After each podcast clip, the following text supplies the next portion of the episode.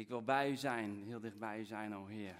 En uh, als ik zo voor me kijk, dan zitten er mensen die dat kunnen beamen. Dat hoop ik tenminste. En als dat nog niet zo was, dan is het aan het eind van deze dienst zeker zo. Daar ga ik vanuit. En uh, ik wil jullie uh, danken dat ik hier kan zijn. Ik zie dat een hele fanbase is meegekomen. Het is gisteravond nog besloten dat het zo geschieden zou. En ik zag dat het goed was. En dankjewel Peter voor, uh, voor, de leiding in deze dienst. Ik uh, werd geraakt door het woord wat die vrouw, mevrouw daar uitsprak. Ik weet niet wie je bent, je naam niet, maar over de Dode Zee, dat die ooit, weet uit de ja, geschiedenis van Israël en geografisch, dat, dat dat het laagste punt is van de wereld en dat het een hele zoute zee is. En volgens mij zwemt er niet veel vis, volgens mij. Ik heb er nog nooit een een kotter uit Urk naartoe zien gaan. Om, uh, het zou een beetje een domme investering zijn. Maar as we speak worden er al visvergunningen uitgegeven voor de Dode Zee. Omdat die mensen geloven dat die zee ooit vol vis zal zitten. Ik, ik, spreek ook wel eens over geloof, dat ga ik nu niet doen. Maar een van de kenmerken van geloof is dat je niet alleen je hartje zegt van Heer, ik geloof en je handen omhoog gaat maar dat je ook stappen zet in dat geloof wat jij gelooft. En een van die stappen die, die mensen zetten die dat geloven is, wij, dat zijn de beheerders van, die, van dat water, wij geven nu alvast visvergunningen uit, want er gaat, gaat straks dringen worden om hier te mogen vissen, want er gaat vol vis zijn. Nou, dan heb je, dan heb je het wat mij betreft over geloof. Ik kijk even naar achteren, is dat water, uh, weet je zeker dat het water is of is het uh, witte wijn? Zoutwater, wordt helemaal zoet. Geweldig. Ik wil met jullie uh, nadenken deze ochtend, uh, deze prachtige zondagochtend. Uh, we gaan straks allemaal naar, naar het strand, of geen idee wat je gaat doen, barbecue aansteken. Er zit één grote zwarte roompluik boven Bunschoten uit, zometeen. En daar hebben we allemaal zin in. Maar eerst gaan we het woord in. En dat is uit 2 Koningen 6, vers 1 tot 7. Uh, het komt niet op de beamer, want ik heb het niet doorgegeven. Dus je kunt ook niet, uh, of je moet de plek iets verzinnen. Maar dat geeft niks, je mag ook meeluisteren, meelezen. Uh, in Bijbel of smartphone of... 2 Koningen 6, vers 1 tot 7. En dan gaan we het over hebben. Gaat hebben over Elisa de opvolger van de welbekende Elia. En uh, luister maar mee. NBV. Op zekere dag zeiden de leden van de profetengemeenschap tegen Elia, Elisa: Het gebouw waarin wij met u wonen is te klein voor ons, zoals, voor ons allen, zoals u ziet. Laten we naar de Jordaan gaan en daar boomstammen halen om een nieuw onderkomen te bouwen. Ga je gang, zei Elisa. Maar een van de profeten zei: Doe dat, doe onze genoegen, Heer, en ga met ons mee. Goed, zei Elisa. En hij ging met, zijn, met hen mee naar de Jordaan, waar ze bomen begonnen te hakken. Om te begonnen te hakken. Terwijl ze daarmee bezig waren, schoot van de, bij een van de profeten het ijzeren blad van zijn bel los en viel in het water. Wat nu, Heer? riep hij uit, want hij had, hij had hem te leen. Waar is hij gevallen? vroeg de godsman. Nadat de man hem de plaats had aangewezen, sneed Elia, Elisa de twijg af, een twijg af en gooide die in het water, waarop het ijzer kwam bovendrijven. Haal hem maar uit, zei hij, en de man pakte het blad van de bijl weer uit het water. Even tot zover.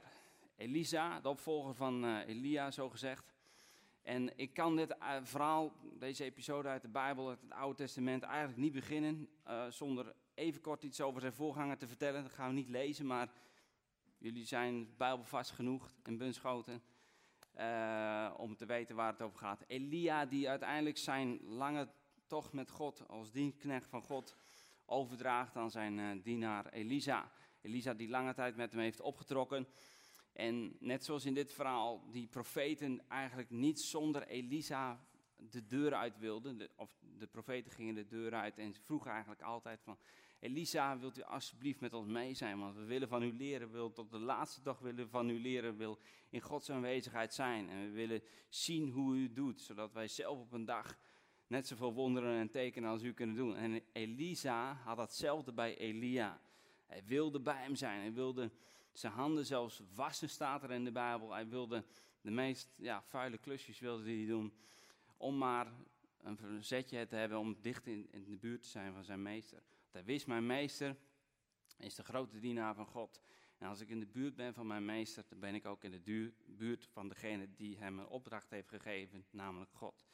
En, eh, en dat was ook zo, dat merkte hij ook. En die houding heeft uiteindelijk Elia ertoe aangezet om Elisa als, over, ja, als, eh, als overname, als degene die het overnam, het werk van hem, de zaak van hem overnam, om hem aan, daarvoor aan te wijzen. En dan zien wij in dat verhaal, als ik het even mag samenvatten, dan zien wij dat, uh, dat Elisa, die heeft eens goed naar zijn meester gekeken en die zegt, ja, wie ben ik nou? Dat zijn, groot, het, zijn grote voeten om uh, schoenen om te vullen. Dat, dat, dat, de mensen, die, de, lat die ligt nu ergens hier en als ik eraan kom, dan zien ze me al aankomen.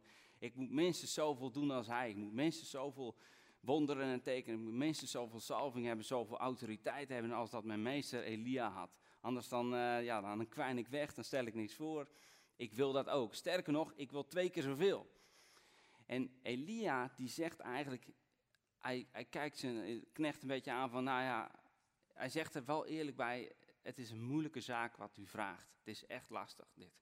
Want het lijkt alsof dat, ja, hè, dat, dat hij de, de, max had bereikt, maar Elia zat nog in zijn hoofd, ook nog in het Oude Testament natuurlijk. En hij dacht, uh, dit is de limiet van God. En hij zei, ja, als het gebeurt, dan gebeurt het. Als het niet gebeurt, dan gebeurt het niet. Dan uh, laten we het maar aan de Heer over. Nou, het wonderlijke gebeurt. Twee keer zo'n grote zalving uh, op het leven van Elisa. En dat merken we onder andere door het aantal wonderen die gebeuren in het leven van Elisa. Als je ze keurig gaat tellen, dan zie je ook dat er twee keer zoveel opgeschreven staan. Twee keer zoveel doden opgewekt. En hier zie je ook dat uh, er honderd profeten zijn. Dat staat uh, ergens anders.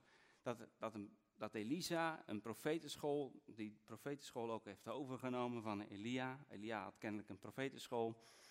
En dan zie je dat er honderd profeten zijn. En bij het afscheid van Elia naar de hemel, weet iemand trouwens hoe Elia naar de hemel is uh, gevaren, hoe is, dat is gebeurd? Paard en wagen, vuur, allemaal fout. U gaat niet door naar de koelkast. Nee, er staat, er staat paard en wagen en vuur. Maar er staat daarachter dat hij in een wervelwind omhoog ging. Dus hij zat niet in die wagens, maar hij zat in de wervelwind. Dus dat is jammer. Dat is weer een streepje achter jullie naam. Ik kom hier niet meer terug. Nee hoor. Maar dan zie je dat 50 profeten staan toe te kijken. En de volgende dag dan zeggen ze, zullen we Elia gaan opzoeken, want uh, hij is vast weer uh, ergens uh, hè, door die wervelwind weer ja, losgelaten en weer om, om omlaag gekomen. Nou, dat was niet het geval. Later in het Nieuwe Testament zien we opeens Elia weer tevoorschijn komen, dus hij is toch ergens naar de hemel opgestegen. Maar dan staan er 50 profeten. En in dit verhaal zijn het er al 100, dus twee keer zoveel. Dus dat deel is in ieder geval gelukt. Hij heeft twee keer zoveel succes, twee keer zoveel Salving zouden wij het vandaag geloof ik noemen. Hè? Nou, het ligt een beetje aan, aan welke denominatie je zit. Maakt allemaal niet uit, je, je, je voelt wel aan. Er komt twee keer zoveel uit zijn handen dan dat zijn voorganger Elia had gedaan. En dan komen ze toch een beetje krap in de ruimte. Klaas, dat is toch allemaal wat, dat is wat we allemaal willen. We willen allemaal uh, uiteindelijk een gebouw hebben wat, wat continu te klein is. Dat, dat, is. dat is uiteindelijk het, het, dat, dat vind ik mooi, dat, dat willen we. Des te meer zielen, des te meer vreugd. Wat zei je? Dat was vorige week zondagavond. Martin is voorbijgekomen. Iedereen genezen. Anderen op weg naar genezing. En ze zijn allemaal klaar. Ze zei, hebben we er zin in? Hij zegt, nou, het kan niet beter, want Martin is voorbijgekomen. Ja, niet jij, Martin. Hij zit me aan te kijken. Martin Koornstra. En uh, geweldig, dat gaan we lekker in door. Dan ga ik niet twee keer zoveel wonderen doen vandaag hoor. Dat, uh, dat, dat, is, ja, misschien dat het wel gebeurt, ik weet het niet. En dan is het gebouw te klein. Het gebouw waar wij met u wonen, staat er. Dus ze trokken gewoon met die kerel op. Ze wilden gewoon altijd bij hem zijn om van hem te leren. Daar was te klein te worden, geworden. En normaal gesproken dan hebben profeten, voorgangers, priesters, sprekers, geen idee hoe je ze noemt, dominees, die, uh, die hebben een bediening in het verkondigen van het woord. Daarnaast hebben ze allerlei taken in de kerk en uh, ziekenbezoeken en dat soort dingen allemaal. Nou, deze profeten hadden ook nog andere taken hier, naast dat ze profetisch bezig waren. Ze moesten ook bomen hakken, dus, maar ze waren niet zo thuis misschien in, in, het, in, in dat gereedschap, hadden ze niet. En dus gaan ze naar een, uh, ja, een smid op de hoek van de straat en uh, nou, de deur gaat open, weet je wel. Veronica muziek klinkt uit de speakers en nou, schaars geklede dames aan de muur, weet je wel. En nou ja, toch wat andere posters dan ik hier om me heen kijk. Meestal in zo'n uh, zo'n schuur, weet je wel. Een man, een, een grote, grove vent komt naar voren stappen. Tattoos op zijn handen, uh, zwarte vegen over zijn gezicht, zo zware vanellen in de hoek van zijn mond. En wat moet dat? Wat is dat? Ja, we willen graag een verbouwing aanbrengen aan ons profetenhuis. En profetenhuis, oh ja, dat, dat zweverige gedoe, ja, dat ken ik wel, ja. Maar we willen bomen ervoor omhaken en we hebben geen bijl, want ja, profeten hebben geen bijl. Dus we willen graag vragen of u nog misschien een bijl voor ons heeft. Ja, die heb ik nog wel. En pakt zo een bijl van de muur, die smid. En gaan we terug met, met, naar zijn hamer en zijn aanbeeld en dan gaan we terug aan zijn werk. Geen idee dat hij zojuist God een handje helpt met het bouwen van het koninkrijk van God. Het is een soort Donald Trump die, die, die geen idee misschien, eh, sommigen weten niet wat hij aan het doen is. Misschien weet hij dat zelf niet helemaal. Uh, maar hij wordt wel gebruikt door God. Hè? Dan kun je zeggen wat je wil, maar hij wordt gebruikt door God. Stelt de uh, ambassade van, uh, van, van Israël weer in, naar Jeruzalem toe. En hij doet allerlei religieuze zaken. En nou ja, hij doet allerlei zaken die goed zijn voor, voor de Joden en voor christendom. Abortus wil hij, wil die vanaf. En hij heeft geen idee misschien dat hij door God gebruikt wordt. Maar wordt het wel. En deze kerel hier die de bel uitleent, ondernemer zouden we zeggen vandaag, hier zitten er genoeg, wordt er zomaar door God gebruikt. Kun je nagaan, als je God wel kent, dan wordt het helemaal feest. Zelfs, zelfs deze man die God waarschijnlijk niet eens kent, die wordt door God gebruikt door de bouw van het koninkrijk van God. Ezels worden gebruikt, die spreken gewoon. Uh, andere dingen worden gebruikt. Deze kerel wordt gebruikt. Donald Trump wordt gebruikt. Nebukadnezar wordt, uh, of uh, keizers die God niet kennen worden gebruikt om het rijk van God uit te breiden. Het maakt God niet uit. God werkt toch wel. God heeft een plan, hij heeft een plaatje in zijn hoofd. Hij is architect en ziet iets voor hem. Hij wil er naartoe en gebruikt jou en mij. En wat nou als wij onszelf over gaan geven aan God? Hoe efficiënt kunnen we dan zijn in een koninkrijk van God? Elisa geeft toestemming en hij gaat mee. Gaat denken, nou ja, laat ik die jongens uh, maar niet in de brandende zon alleen laten werken. Laat ik ook mijn mouwen maar opstropen. En uh, laat ik gewoon uh, het voortouw nemen en als een echte leider laten zien dat ik ook beltje, dat ik vaker met dit beltje heb gehaakt. En nou, we weten wat er gebeurt. Uiteindelijk zitten ze in the heat of the moment zitten ze flink aan het hakken. Een boom bijna om. En het zijn flinke bomen. En het ijzer vliegt zomaar de Jordaan in. Hoe weet je dat de Jordaan was? Dat, dat heb ik heel veel onderzoekwerk naar gedaan. Nee, dat staat er gewoon, staat er gewoon. Het, het blad van die bel vliegt van, die, van het handvat af. Zat niet goed vastgelijmd of zo. En vliegt zo het water in. Nou, die zinkt natuurlijk als een baksteen of een blad van een bijl. Zinkt hij naar de bodem. En uh, het is afgelopen. En we kennen allemaal het gevoel op het moment als we iets lenen van een ander, dan wil je het minstens zo goed weer terugbrengen. Mijn vader zegt altijd, als je iets leent van een ander, moet je het beter terugbrengen dan dat je het geleend had. Dat, dat, dat, dat is zijn standaard die hij hanteert en ik snapte wat hij daarmee bedoelde.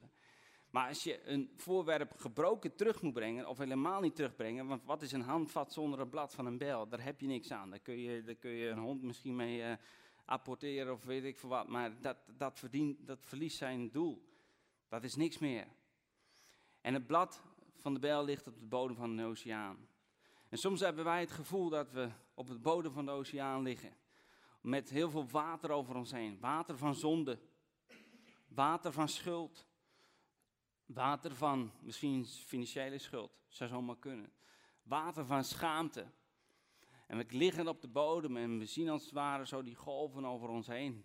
En ergens daar buiten staan er wel mannen aan de kant. En de zon schijnt en je ziet dat er ergens leven is. Je ziet dat, er, dat ze allemaal bezig zijn, dat er allemaal bedrijvigheid is. Maar jij ligt op de bodem van de zee. Jij ligt op de bodem van de, van de Jordaan. En je denkt, het is afgelopen. Wat moet ik hier nou nog? Jona zat in de maag van een walvis. Hij dacht, het is afgelopen. Het wier staat er in de Bijbel, zat letterlijk om zijn hoofd heen en wist het gewoon niet meer. De vrienden van Daniel en Daniel zelf zaten in de vurige oven. Als er ergens een plek was waar je zou denken dat het afgelopen was, dan was het in een vurige oven. Maar er komt een extra man in die oven en uiteindelijk worden ze bevrijd en weer gebruikt in het koninkrijk van God. Jezus, onze Heer en Heiland, lag in een graf. Drie dagen. Nou, dan is het echt afgelopen met je. Maar hij had eerder in zijn bediening al laten zien Lazarus kan vier dagen in een graf liggen, maar hij komt er gewoon weer uit als ik het zeg. Maar nu lag hij zelf in een graf. Maar we weten allemaal hoe het afgelopen is. Hij werd opgewekt, de steen aan de kant. En hij leefde en hij ging verder. En hij droeg de bediening over aan zijn discipelen en zij uiteindelijk weer aan ons. En daarom zitten we hier vandaag bij elkaar. Als dat niet gebeurd was, als Jezus in het graf gebleven was, als Jona in de maag van de walvis gebleven was, was Nineveh niet gered. Als Jezus daar gebleven was, waren wij niet gered. Ja toch? De bijl ligt op de bodem van de Jordaan. Je zit er hopeloos bij. Je ligt er misschien zelfs hopeloos bij. Je kan niet eens meer zitten. Je ligt alleen nog maar. Je zit in zorgen. Dat is herkenbaar, ook in mijn eigen leven.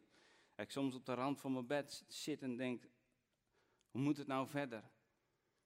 Die denkt, als ik maar alleen maar al aan de, boven het water uit zou kunnen komen, dat zou al heel erg mooi zijn. Dat zou al leuk zijn. Als ik weer gebruikt zou worden in het koninkrijk van God, dat is misschien een beetje te veel gevraagd. Maar kennen we God nog niet.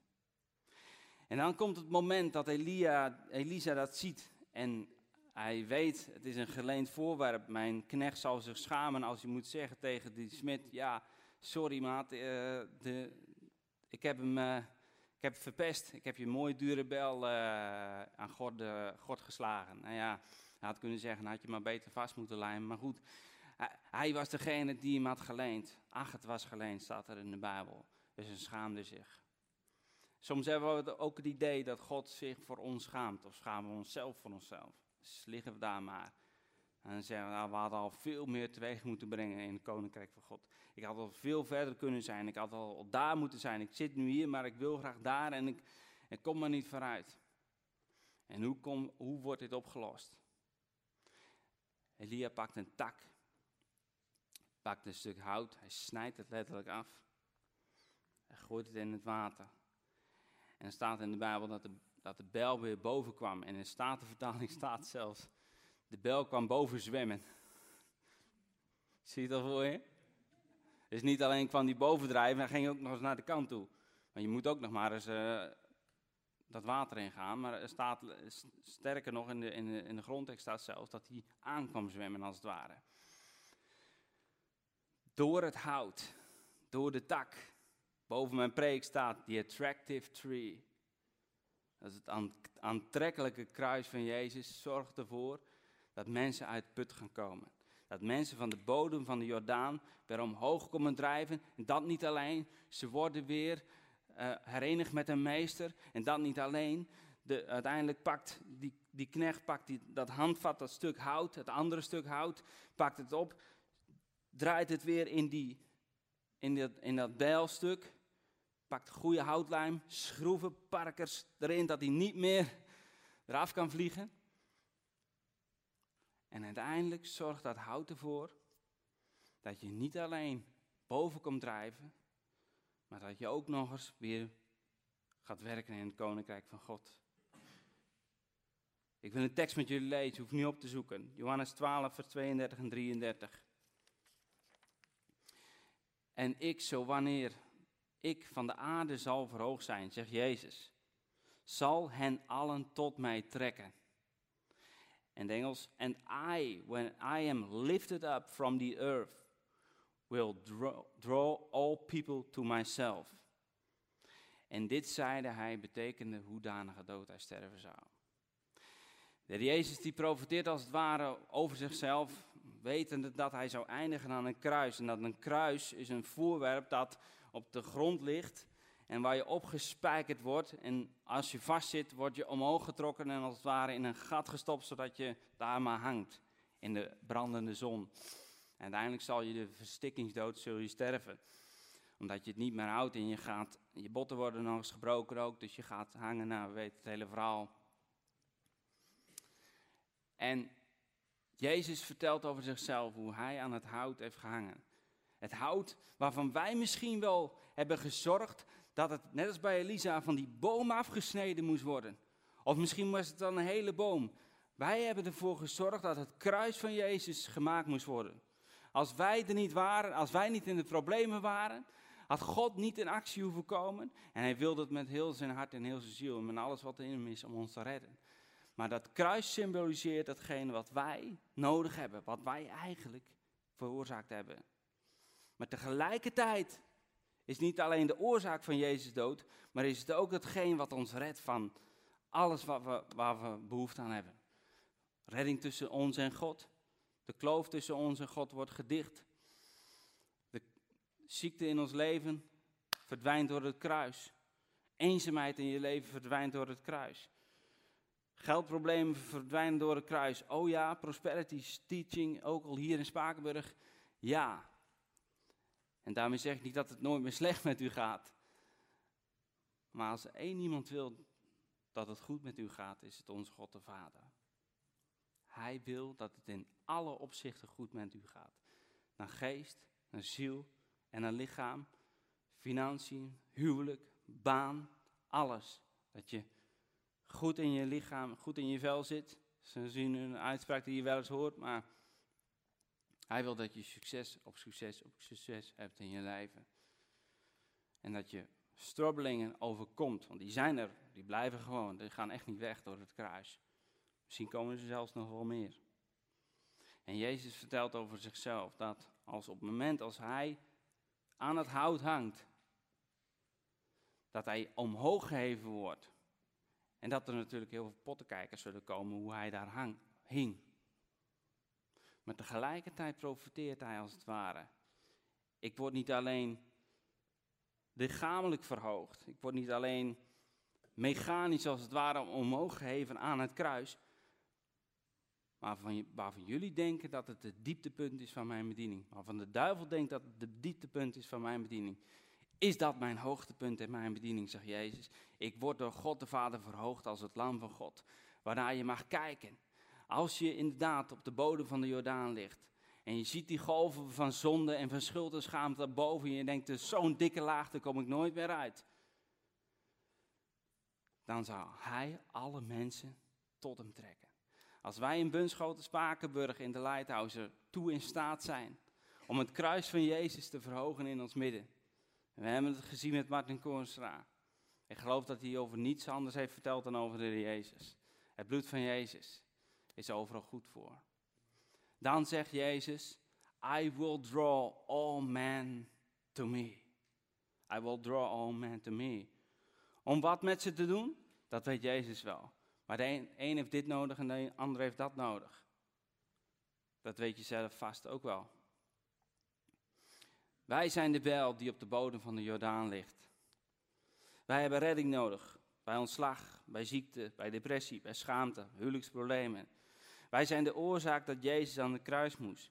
Wij hebben het, kruis, het hout van het kruis hebben wij gehouden, gehouden uit die boom. Wij liggen op de bodem van de Jordaan.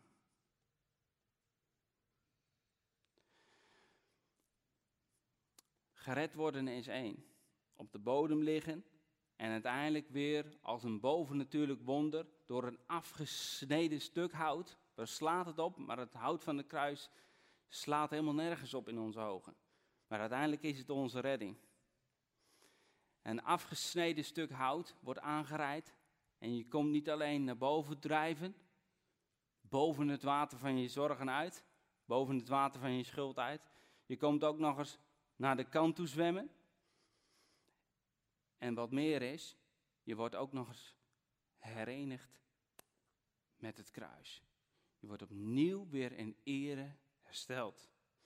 Maar wat is een, een stuk ijzer wat aan de ene kant scherp is en er zit een soort gat in? Daar, daar kan de meester niet veel mee. Daar kun je niet mee.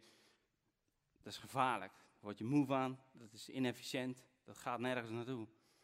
Maar als jij in de meester, als jij in dat hout, als jij in dat kruis van Jezus worden herenigd, als het ware als een handvat in jouw scherpe bijl, ben je niet alleen gered, ben je ook nog eens een gigantisch mooi middel in de bouw van het koninkrijk van God. Dus als jij dacht, als ik alleen maar boven, die boven het water uitkwam, dan was het al genoeg geweest. Vindt God het niet genoeg, want hij wil je het dubbele geven. Hij wil je een dubbele zegen. Hij wil je een dubbele zalving. Hij wil je dubbel, hij wil je alles geven wat je nodig hebt. Omdat hij van je houdt. En je wordt een gigantisch mooi instrument in de handen van God. Is dat niet mooi? Als God een bijl kan gebruiken, als God een ezel kan gebruiken, als God een smid kan gebruiken, als God Donald Trump kan gebruiken, dan kan hij jou en mij gebruiken. Zal je afsluiten met een kort verhaaltje? Ik heb een, twee jaar op de Bijbelschool in Rotterdam gezeten. En ik zat altijd met een aantal jongens en meiden in de klas die, nou ja, een beetje als voorbeeld kregen van, als je maar op het podium komt te staan, dan, dan heb je het wel eens een beetje gemaakt in het Koninkrijk van God. Dat werd niet zo gezegd, maar dat werd onbewust, was dat wel de boodschap. En ik zat met één gozer in de klas, die had dat ook voor ogen. Ik wil graag op het podium en ik wil graag profetische woorden over de kerk uitspreken. En ik wil graag, wauw, dat zou ik graag willen. En hij was inderdaad profetisch, muzikaal en nou, ik zag het, ik zag het ergens wel in hem.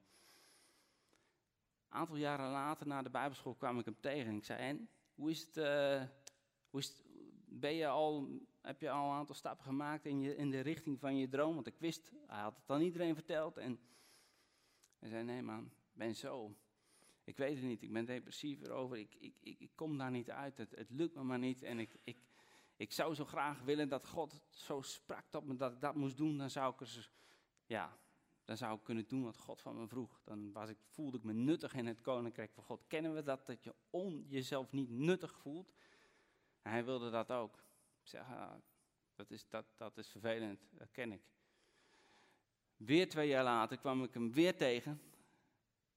En toen had hij opeens een universiteit afgerond en was hij aangenomen in, bij Google in Zweden. Toen dacht ik, maar jij moet helemaal niet hier staan. Jij moet bij Google zitten. Jij moet als God geïnspireerde ingenieur, moet jij in die wereld omhoog klimmen, zodat God je daar kan gebruiken. En op, opeens wist hij, wist hij weer wie hij was. Opeens werd hij, was hij krachtig. Opeens was hij uit die depressie en wist hij opeens van, ja maar wacht eens even. God heeft mij hersteld, heeft die bel gepakt en het handvat weer gebruikt. En nu bouw ik het koninkrijk van God bij Google in Zweden. En voor sommigen klinkt het als een plek waar je, waar je God niet kan dienen. Het is een, een of andere plek waar God niet is. Maar de plek wordt van God omdat jij er bent.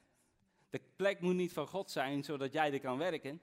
Jij maakt het de plek van God omdat jij er bent. Dat God in jou woont. Weten we onze plek? Weten we ons mandaat in het leven? Het is niet makkelijk. En soms denk je nou, weet ik het eigenlijk nou wel, weet ik het eigenlijk nou niet. Dan strompel je maar een beetje voort. Dat is ook niet erg. Maar als je maar in beweging bent, een rijdende auto kan God veel makkelijker bijsturen dan een stilstaande auto. Dat is, heb je het al eens geprobeerd om een stilstaande? Ja, dat, dat gaat toch lastig. En ik wil uit diepst van mijn hart uitspreken over deze gemeente.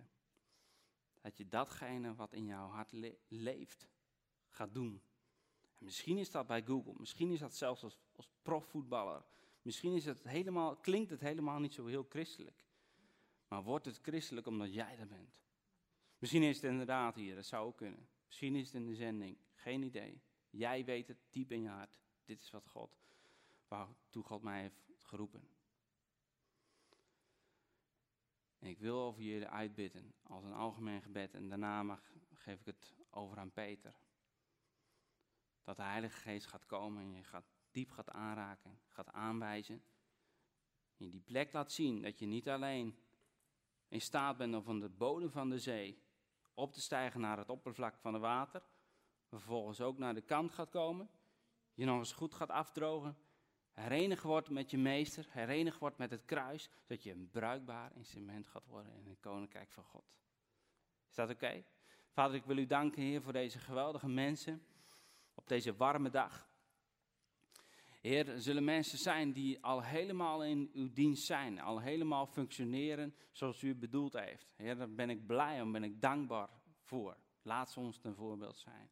Er zijn ook mensen die liggen op de bodem van de zee, op de bodem van de Jordaan, als een stuk ijzer wat om, waarvan het onmogelijk is dat die boven komt drijven.